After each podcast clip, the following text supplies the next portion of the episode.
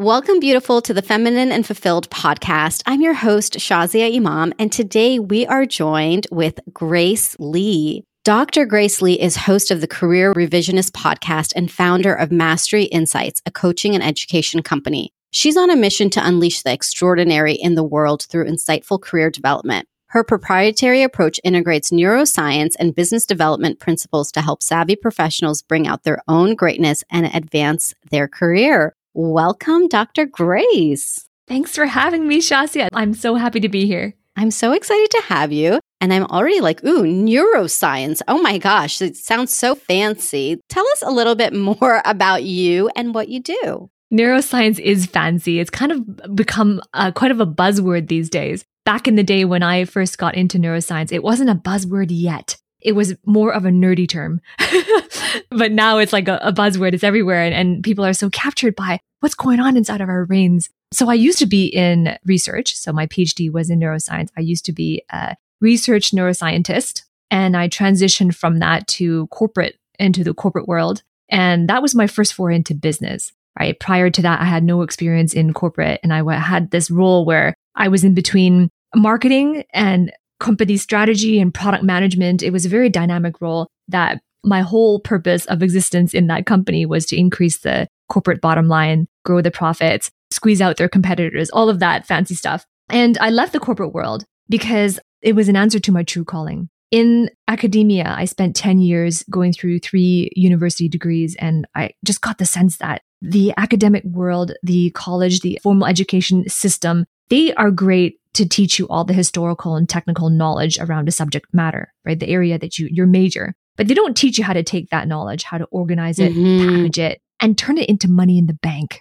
you know, and mm-hmm. in a way that's mm-hmm. fulfilling to you, right? And they don't teach you how to answer more important questions like, who am I? What's my purpose? Things like that. And so my mission really is to teach people how to joyfully earn more, how to joyfully be more, have more, and love more. And that is what I do. And my method, as you mentioned, involves neuroscience. It involves teaching them how to achieve what I call true vocational confidence. Mm. So, is this specific to when you talk about true vocational confidence? Is this only in the workspace or does this also translate into your life? Absolutely. Because when you think about it, vocation is a higher dimension of work. Career is where you are paying the bills, right? You're doing your life's work, you're paying the bills, but you're also affording a lifestyle outside of your work. So then you have a career. But one higher dimension of work is a vocation. And when you have a vocation, you're checking off those other two boxes too, paying the bills, having, avoiding a lifestyle outside of work, but you're also in the line with your mission and your purpose, right? There is something bigger than you at play here. You are connected to your why, your raison d'être in French, your reason for being. And when you have a vocation, that is when you are living in purpose on purpose. And when you are making more, you are fulfilled and it is in through all aspects of life.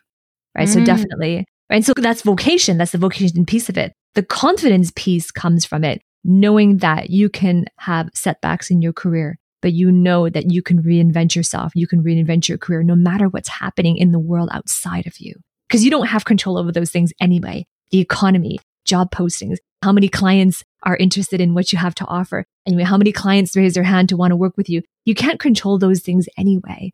But when you have confidence, you can move ahead, you can up level no matter what is happening outside of you. So that is vocational confidence. Mm, I really appreciate the way that you described vocation because that's the first time I've heard this idea of you know, what we do to earn money, right? Like a job or something, what we do to earn money and have a certain lifestyle combined with our mission and purpose for that to be vocation. That really helps it to just have this one word that describes all of that.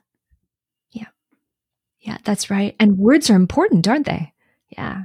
They're super important. So, one of the things that stood out, speaking of words, is that you talked about reinventing yourself. And this really just jumped out at me because I know that oftentimes I hear with my clients that there's this idea of, well, this is how I've always been, or how can things really be any different? And finding ourselves in a place where we really feel like, well, this is it. This is it. I want more, but how can I really be that person to have that? So, how can we reinvent ourselves? And is that possible? Absolutely, it is possible. And you said it exactly. You hit the nail on the head when you said, How can I do that? Because most people, when they approach big questions like that, that involve a lot of moving pieces, a lot of nuances, they look for the tactics. How do I do that? What do I got to do? If it's working for someone, then it's like, okay, how do I look for that company? How do I write my resume? You know, it's like tactics like that. If it's starting a business, then it's about, okay, what kind of websites do I need? You know, what are the productivity tools? What apps should I use? They go right straight to the tactic. But there's a bigger thing at play here. When you reinvent yourself, it's not going to be the tactics that get you there. It's about understanding the principles of career building. It's understanding the principles and the essence of who you are and what it means to close that gap between where you are and where you want to be. So the first step would be to get that clarity, right? And most people don't have that clarity. They just kind of say, well, I'm not fulfilled right now. So they know what they don't want right now, what they have. They know what they don't like. They know why they're not fulfilled. What is it they have that they don't appreciate or they want more of? But they aren't clear at expressing the destination. They would say something like, I want to be helping people or I want to be doing something that uses more creativity, but it's very general, right? It's in and of itself, having that clarity is a great first step, but it's like planning a trip, right? If you're planning a road trip, for example, and you're using Google Maps to help you get to that destination, you have to enter your starting point, end point, your destination. And then Google Maps will give you a choice between, okay, do you want to avoid highways? Do you want to go there with the fastest time or the shortest distance? You get to choose your route. The same thing is true of your career. And when I say career, I don't just mean corporate, right? A career is something you do to make a living outside of work. It could be starting a business, right? It could be entrepreneurship, business ownership, right? It could be joint ventures. And all of that is career as well. So when you have those two and you're clear on it, then you can choose your route on how to get there and you can design it. So the reinvention process is very much understanding the framework of reinvention by going back to the principles of career building. Mm, okay, so let's dive deep into this because you said the first step is clarity. So whenever somebody says first step, then I'm always like, what's the second step? I love that, right? right. Okay, so then you have the destination and it's mm-hmm. clear to you. It is an outcome that you desire and it's clear and you can envision it. And it's truly a burning desire. It is in alignment with your highest values, right? So those are sort of like, now I'm talking about criteria here to mm-hmm. get clarity, right? Okay, so then let's say now you have that clarity and you also have clarity on your starting point, right? And some of the checklists that are important in having clarity of your starting point are things like resources you have, right? Your assets, your personal assets, your intellectual assets, your social assets, all of those things make up the clarity of your starting point, right? And then so then it's about, okay, what is the gap?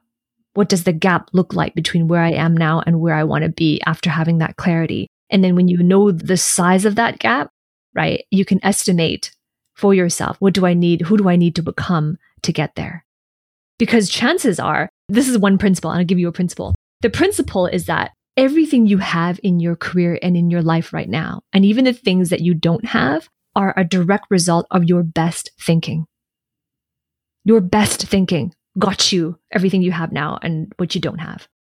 And so the reason why it's your best thinking is because you made decisions to get here, or you, even if you didn't, if you chose not to decide, that's still a decision. And so that's why the becoming is important. You can't become, you can't make decisions from the same skill set and the same person you are now. You have to become a different person, a better version of yourself to make those decisions or to do the action to have what you want. So the order is very important. So that's the next step. Mm. So this piece right here, this piece I think is is really the core, right? When you're speaking about this principle, I can see that it's a principle because the question that like really comes up for me is that if this is my best up until now and I know I want to get to that next place. I know like I see my destination, okay, I see the gap, but when I look at that gap and I think like, how can I get there? Because if this was my best up until now, how do I, from this internal, deeper place, really get to that next place of who I want to become? Like, this is a really big topic, actually, Grace, that how do I even believe I can get there? And then how can I actually do it? Because I've worked under a certain framework for such a long time, but now I really want to go to that next level. Mm-hmm. Mm-hmm. That's right. So then you chunk it down because you said it, you hit it right on the head. It's a really big topic. and when it's so big like that, we automatically feel, oh my gosh, it is a monster. It's a mountain. It's a mountain and it feels insurmountable. So then the practice of chunking things down really helps because you're thinking about where I want to be. And it could be a five year goal. It could be an eight year goal. It could be a three year goal, right? It, that's why the clarity on the checklist on what resources you have right now is very helpful because it'll help you on estimate how far out that goal is. Really, there's a process to considering that as well. And so when you have clarity on that, what is it? Let's say it becomes an eight year goal and that's the realistic estimation is that it's an eight year goal. Then you reverse engineer towards, okay, what kind of person, like who do I need to be to be able to do what I need to do to get there? So the first question is not how, because when you think of how, then that mountain stands in your way and it's insurmountable, mm-hmm. right? And the thing is, if you ask a different question, then you get a different outcome. Every challenge you face along the way is just a problem and a problem is simply an unasked question. Right. So I always say that really it's not about how quickly and how intelligently you can find the answers. It's how much insight do your questions have? Can you give an example of a question? Mm-hmm. Yeah, the one that I kept repeating was exactly that one. Who do I need to become? Mm-hmm. Who do I need to be to have what I want? And let's say, for example, what you wanted, you've identified as I want to have a thriving business, a coaching business, and I want my business to be completely online. And I want to help stay at home moms to be able to start their business. That's what I want to do. I want to help stay at home moms to start an online business so that they can earn and provide for their family while they're taking care of their kids at home because they're stay at home. And so that is the goal. That's the destination. And so then the question becomes, who do I need to become to be able to serve women like that? And then that question leads to other questions. But as you do the Q&A, for lack of a better term with yourself, you will steer yourself to more clarity and you will steer yourself to having a blueprint on how to get there.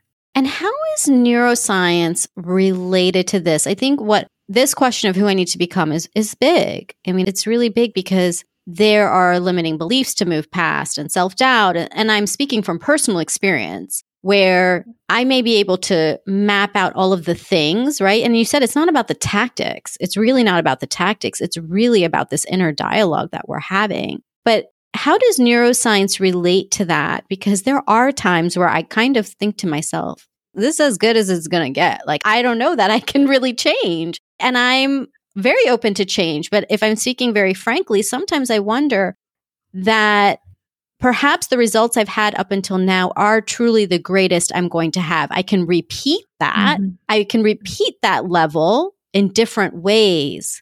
But can I move to this next level? That inner mm-hmm. dialogue, I can definitely get very stuck in. Mm-hmm, mm-hmm, exactly. And that's exactly why coaching is so important because we've been awarded and taught how to come up with the right answers. That's what school is all about. You come up with the right answers, you get an A, and you get rewarded for that. You get praised for that. So our programming is like, I got to find the answer. There's a missing piece. I just got to find that missing piece. Whereas the principle is you ask a different question, mm. you hmm. get a different outcome. And how do you find the right question to ask? And if you think about coaching, that's what coaching is. A coach doesn't come up with the answers for you a coach asks you very pointed and very insightful questions so that you, it facilitates you to find the answer within you, within your context. And neuroscience has everything to do with it because we as human beings, we will not do anything in life, in career that is inconsistent with our programming, right? All of our actions, all of our beliefs, the lenses that we see the world through is always going to be consistent with our programming. And our programming happens at a very subconscious level. And so there's like two minds here. There's the subconscious mind and the conscious mind. Conscious mind is the things that we see and the things that we feel, right? And there's levels to that as well, but I won't get into that. But the subconscious mind will always be infinitely more powerful than the conscious mind, infinitely more powerful. And the reason why is because the subconscious mind is where the programming takes place. And it's also the feedback mechanisms in our mind was designed that way to protect us from imminent danger. Right? The primitive brain is it exists. It was more primitive than the evolved cortex of our brain. And it's there to protect us from threats to our life. And when our back's up against the wall, when we feel that our life is stuck, when we feel that we can't reinvent ourselves, when we feel that we are, everything's falling apart, our brain cannot tell the difference. It feels just like our lives are at danger, just like that. And if you look at the physiological responses, it's the same. Your palms are sweaty, your pupils are dilated, you might be shaking, your muscles are tense. That is identical physiological response if there was a gun to your head and your life really was threatened. So our brains cannot tell the difference. So the brain does the only thing it knows how to do, which is to protect you from danger. And it becomes sympathetic flight or flight. And when you're in that, that's not where creativity happens. When you're in that, the energy is not about creativity, it's not about innovation. That is not an energy where you solve problems or you think of questions. It is a brewing ground for fear, right? We have fears about many things, but fears happen because we fear failure. You know, we fear what people think. We fear these things. But the end of it is not having belief in the power we have in ourselves to make things happen the way we want them to. Hmm. Yes. And it leads to depression. And depression happens because our reality does not match the expectation of where we want it to be in life right now. Hmm. Wow. So, what is, I feel like I'm just going to keep asking you, Grace. I'm like, just tell yeah. me the solution, you know, but I know it's not that simple. So, that piece about depression being the, say that again, what depression is? It's just a mismatch between the reality that you're experiencing and your expectation of where you wanted to be right now. Hmm. I'm taking so many notes. So, when you find yourself in that place, whether it's to the point of depression or you find yourself in this place of like even having that physiological response how can we move from the you know the limbic system from this what was created for our survival?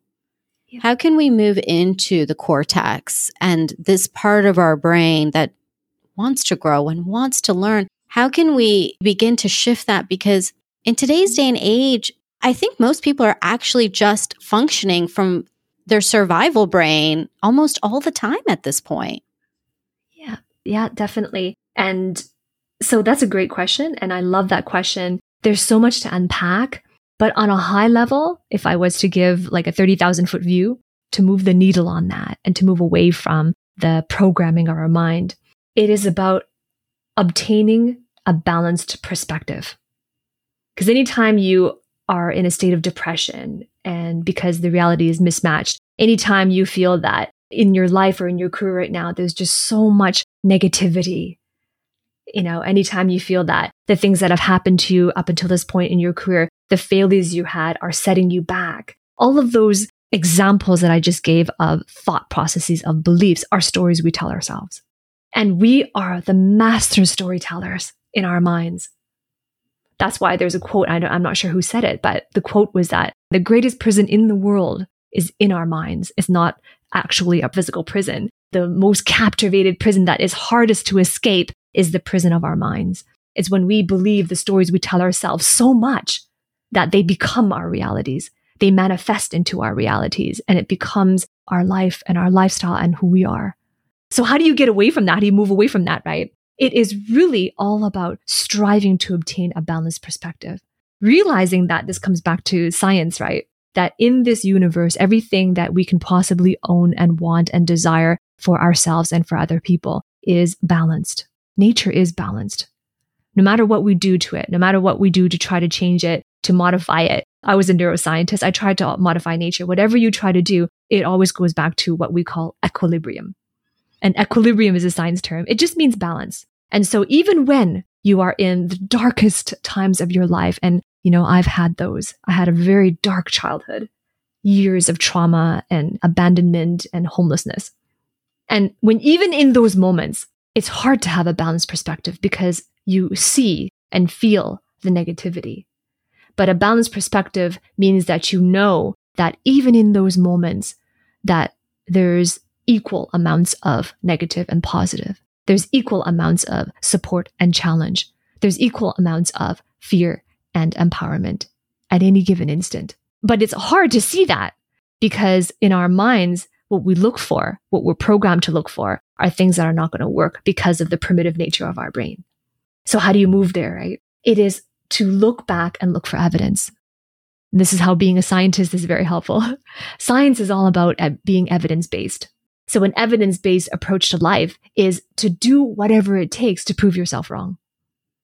And it sounds like, what? That's so easy. What? There's got to be a magic solution. There's got to be something more groundbreaking than that. That is groundbreaking. It really is groundbreaking.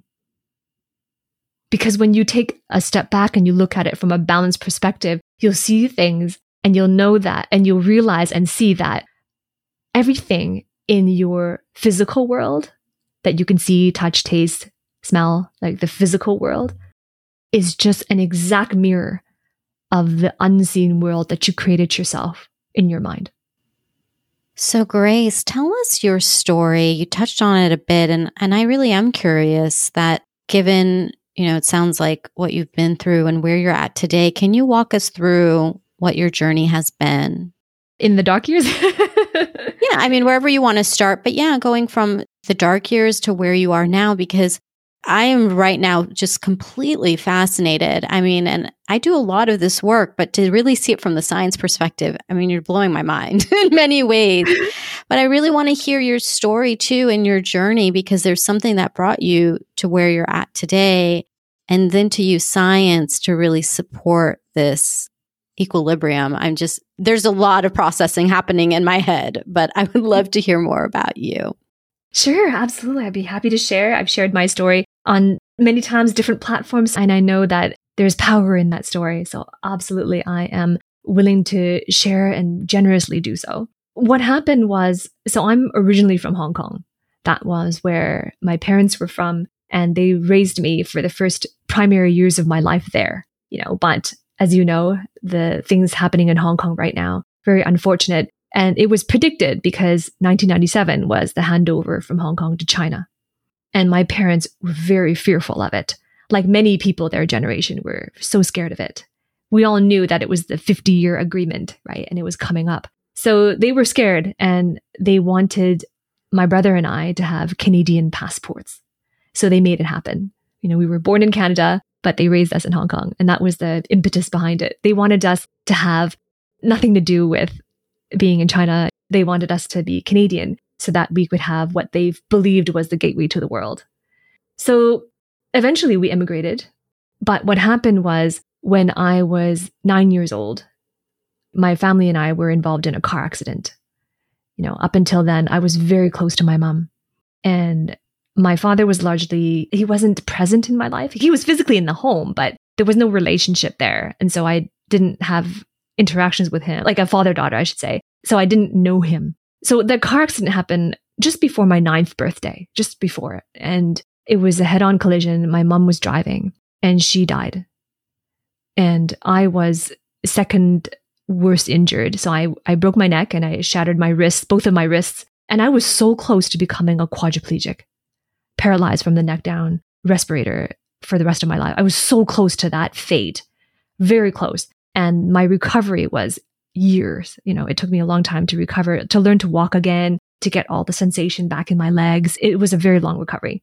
So I spent my ninth birthday in the hospital recovering. And then I learned that my mom had died. Hmm. And it was shocking because she was my everything. She was my world. You know, I didn't have friends growing up either. I was bullied, you know, as a child. Kids can be mean. I, she was just my life. And so she passed away. And it was also awkward because I had to get to know my father for the first time.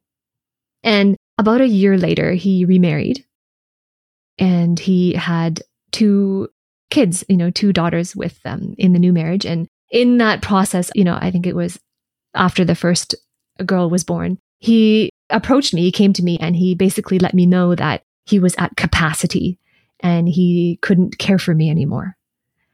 And, you know, kind of impressed upon me that I needed to make alternate arrangements to stay with someone. And I was 10, you know, I was 10 at the time.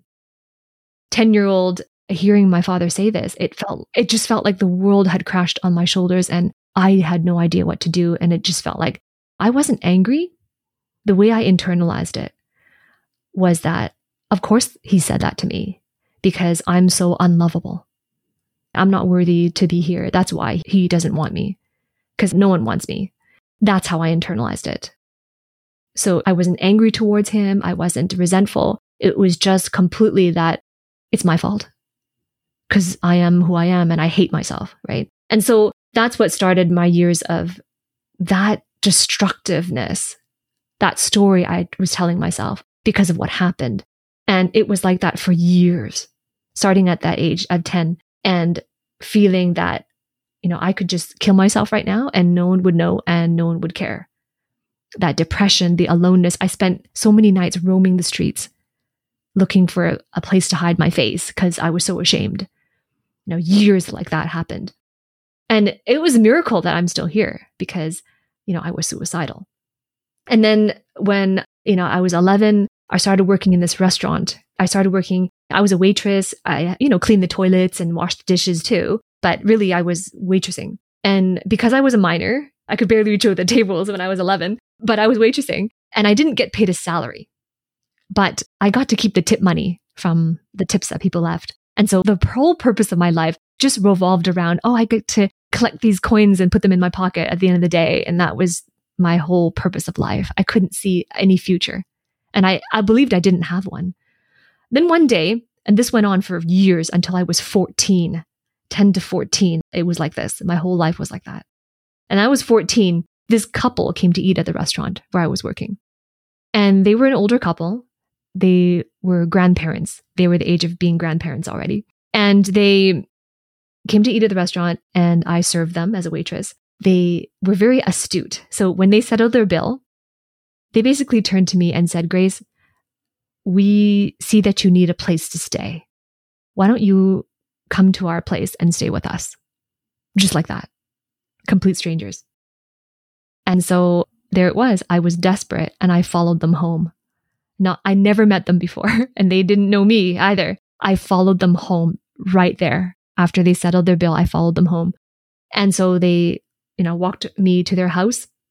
And there it was, a humble yellow wooden house, you know, two stories. And through the front door, it was a kitchen. Up the stairs, yellow carpet. It was like very narrow carpeted staircase. And then to the right, there was a bedroom. There was a bedroom with the biggest bed I've ever seen.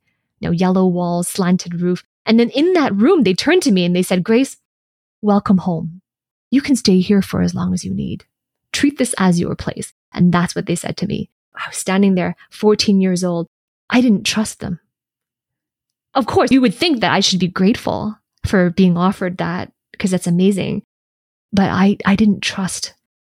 Yeah, right? Because I felt that I don't know. How do I know this is genuine? How do I know that they're not going to abandon me and then I'm going to have to be back out again on my own? So I'm just going to err on the side of caution. And I kept them at an arm's length. I didn't want to develop a relationship with them. I didn't really want to talk to them. I just was testing their sincerity. And that went on for two years until I was 16. So here I am, 16 now. Two years later, it was one morning.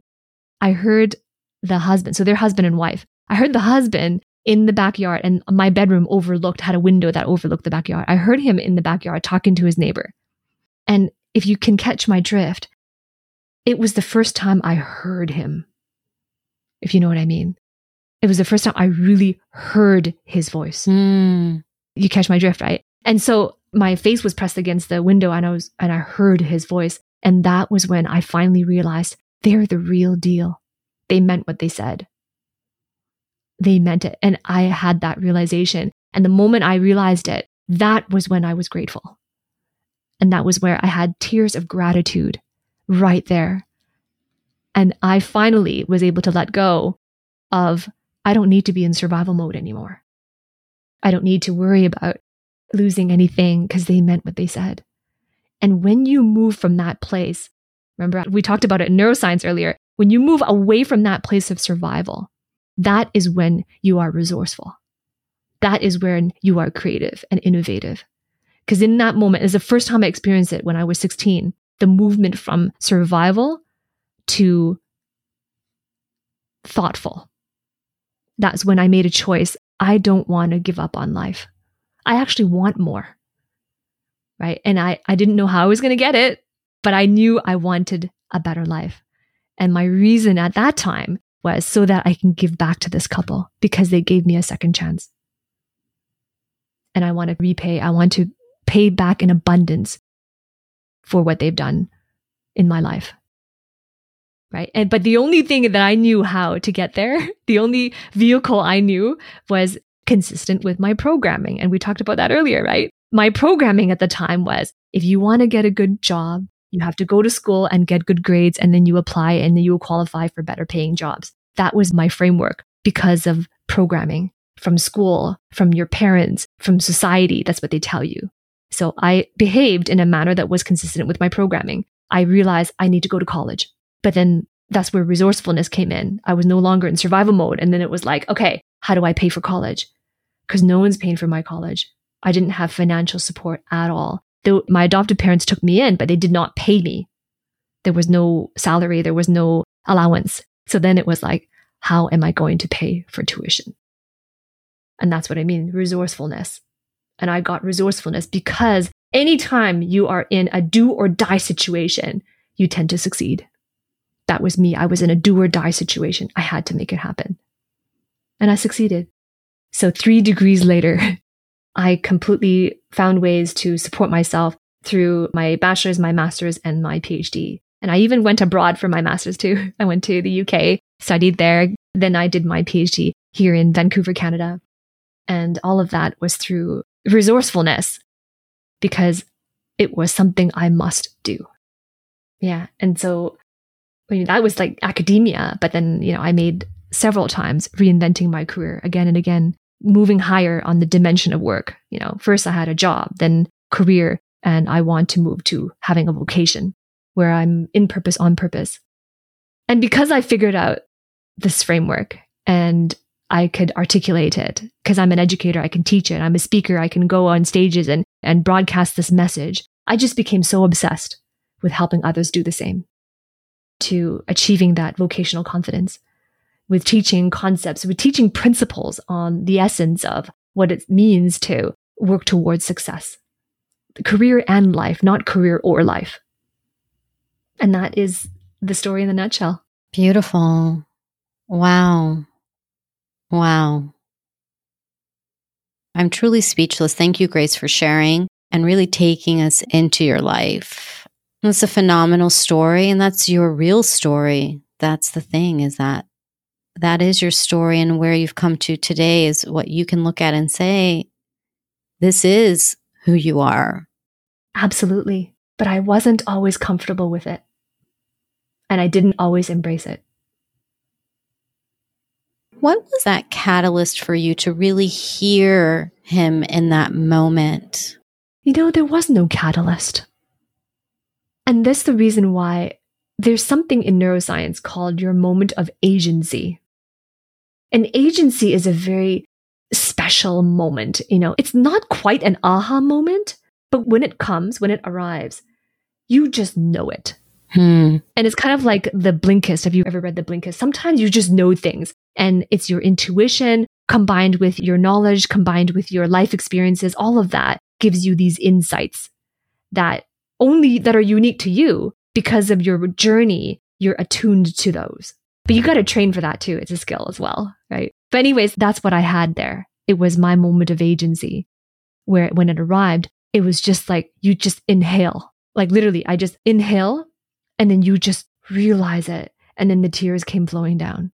It's just seconds. It just takes seconds, a matter of seconds, but you just know. Mm-hmm. You just know. And it's the hardest thing to transfer to someone. You can't transfer it to someone. You can help someone prepare for it, but you can't transfer it to someone. It's just one of those non transferable experiences. But you can help people. And that's what I do. I, I can coach someone to prepare for it, but I can't give them my experience, if that makes sense. Hmm. If people want to take this work further with you, how can they reach out and learn more and be a part of this? I mean, this is phenomenal. Yeah. I would be grateful for, you know, people who want to reach out and do some work like that and and discover purpose or a career path or path to life's work.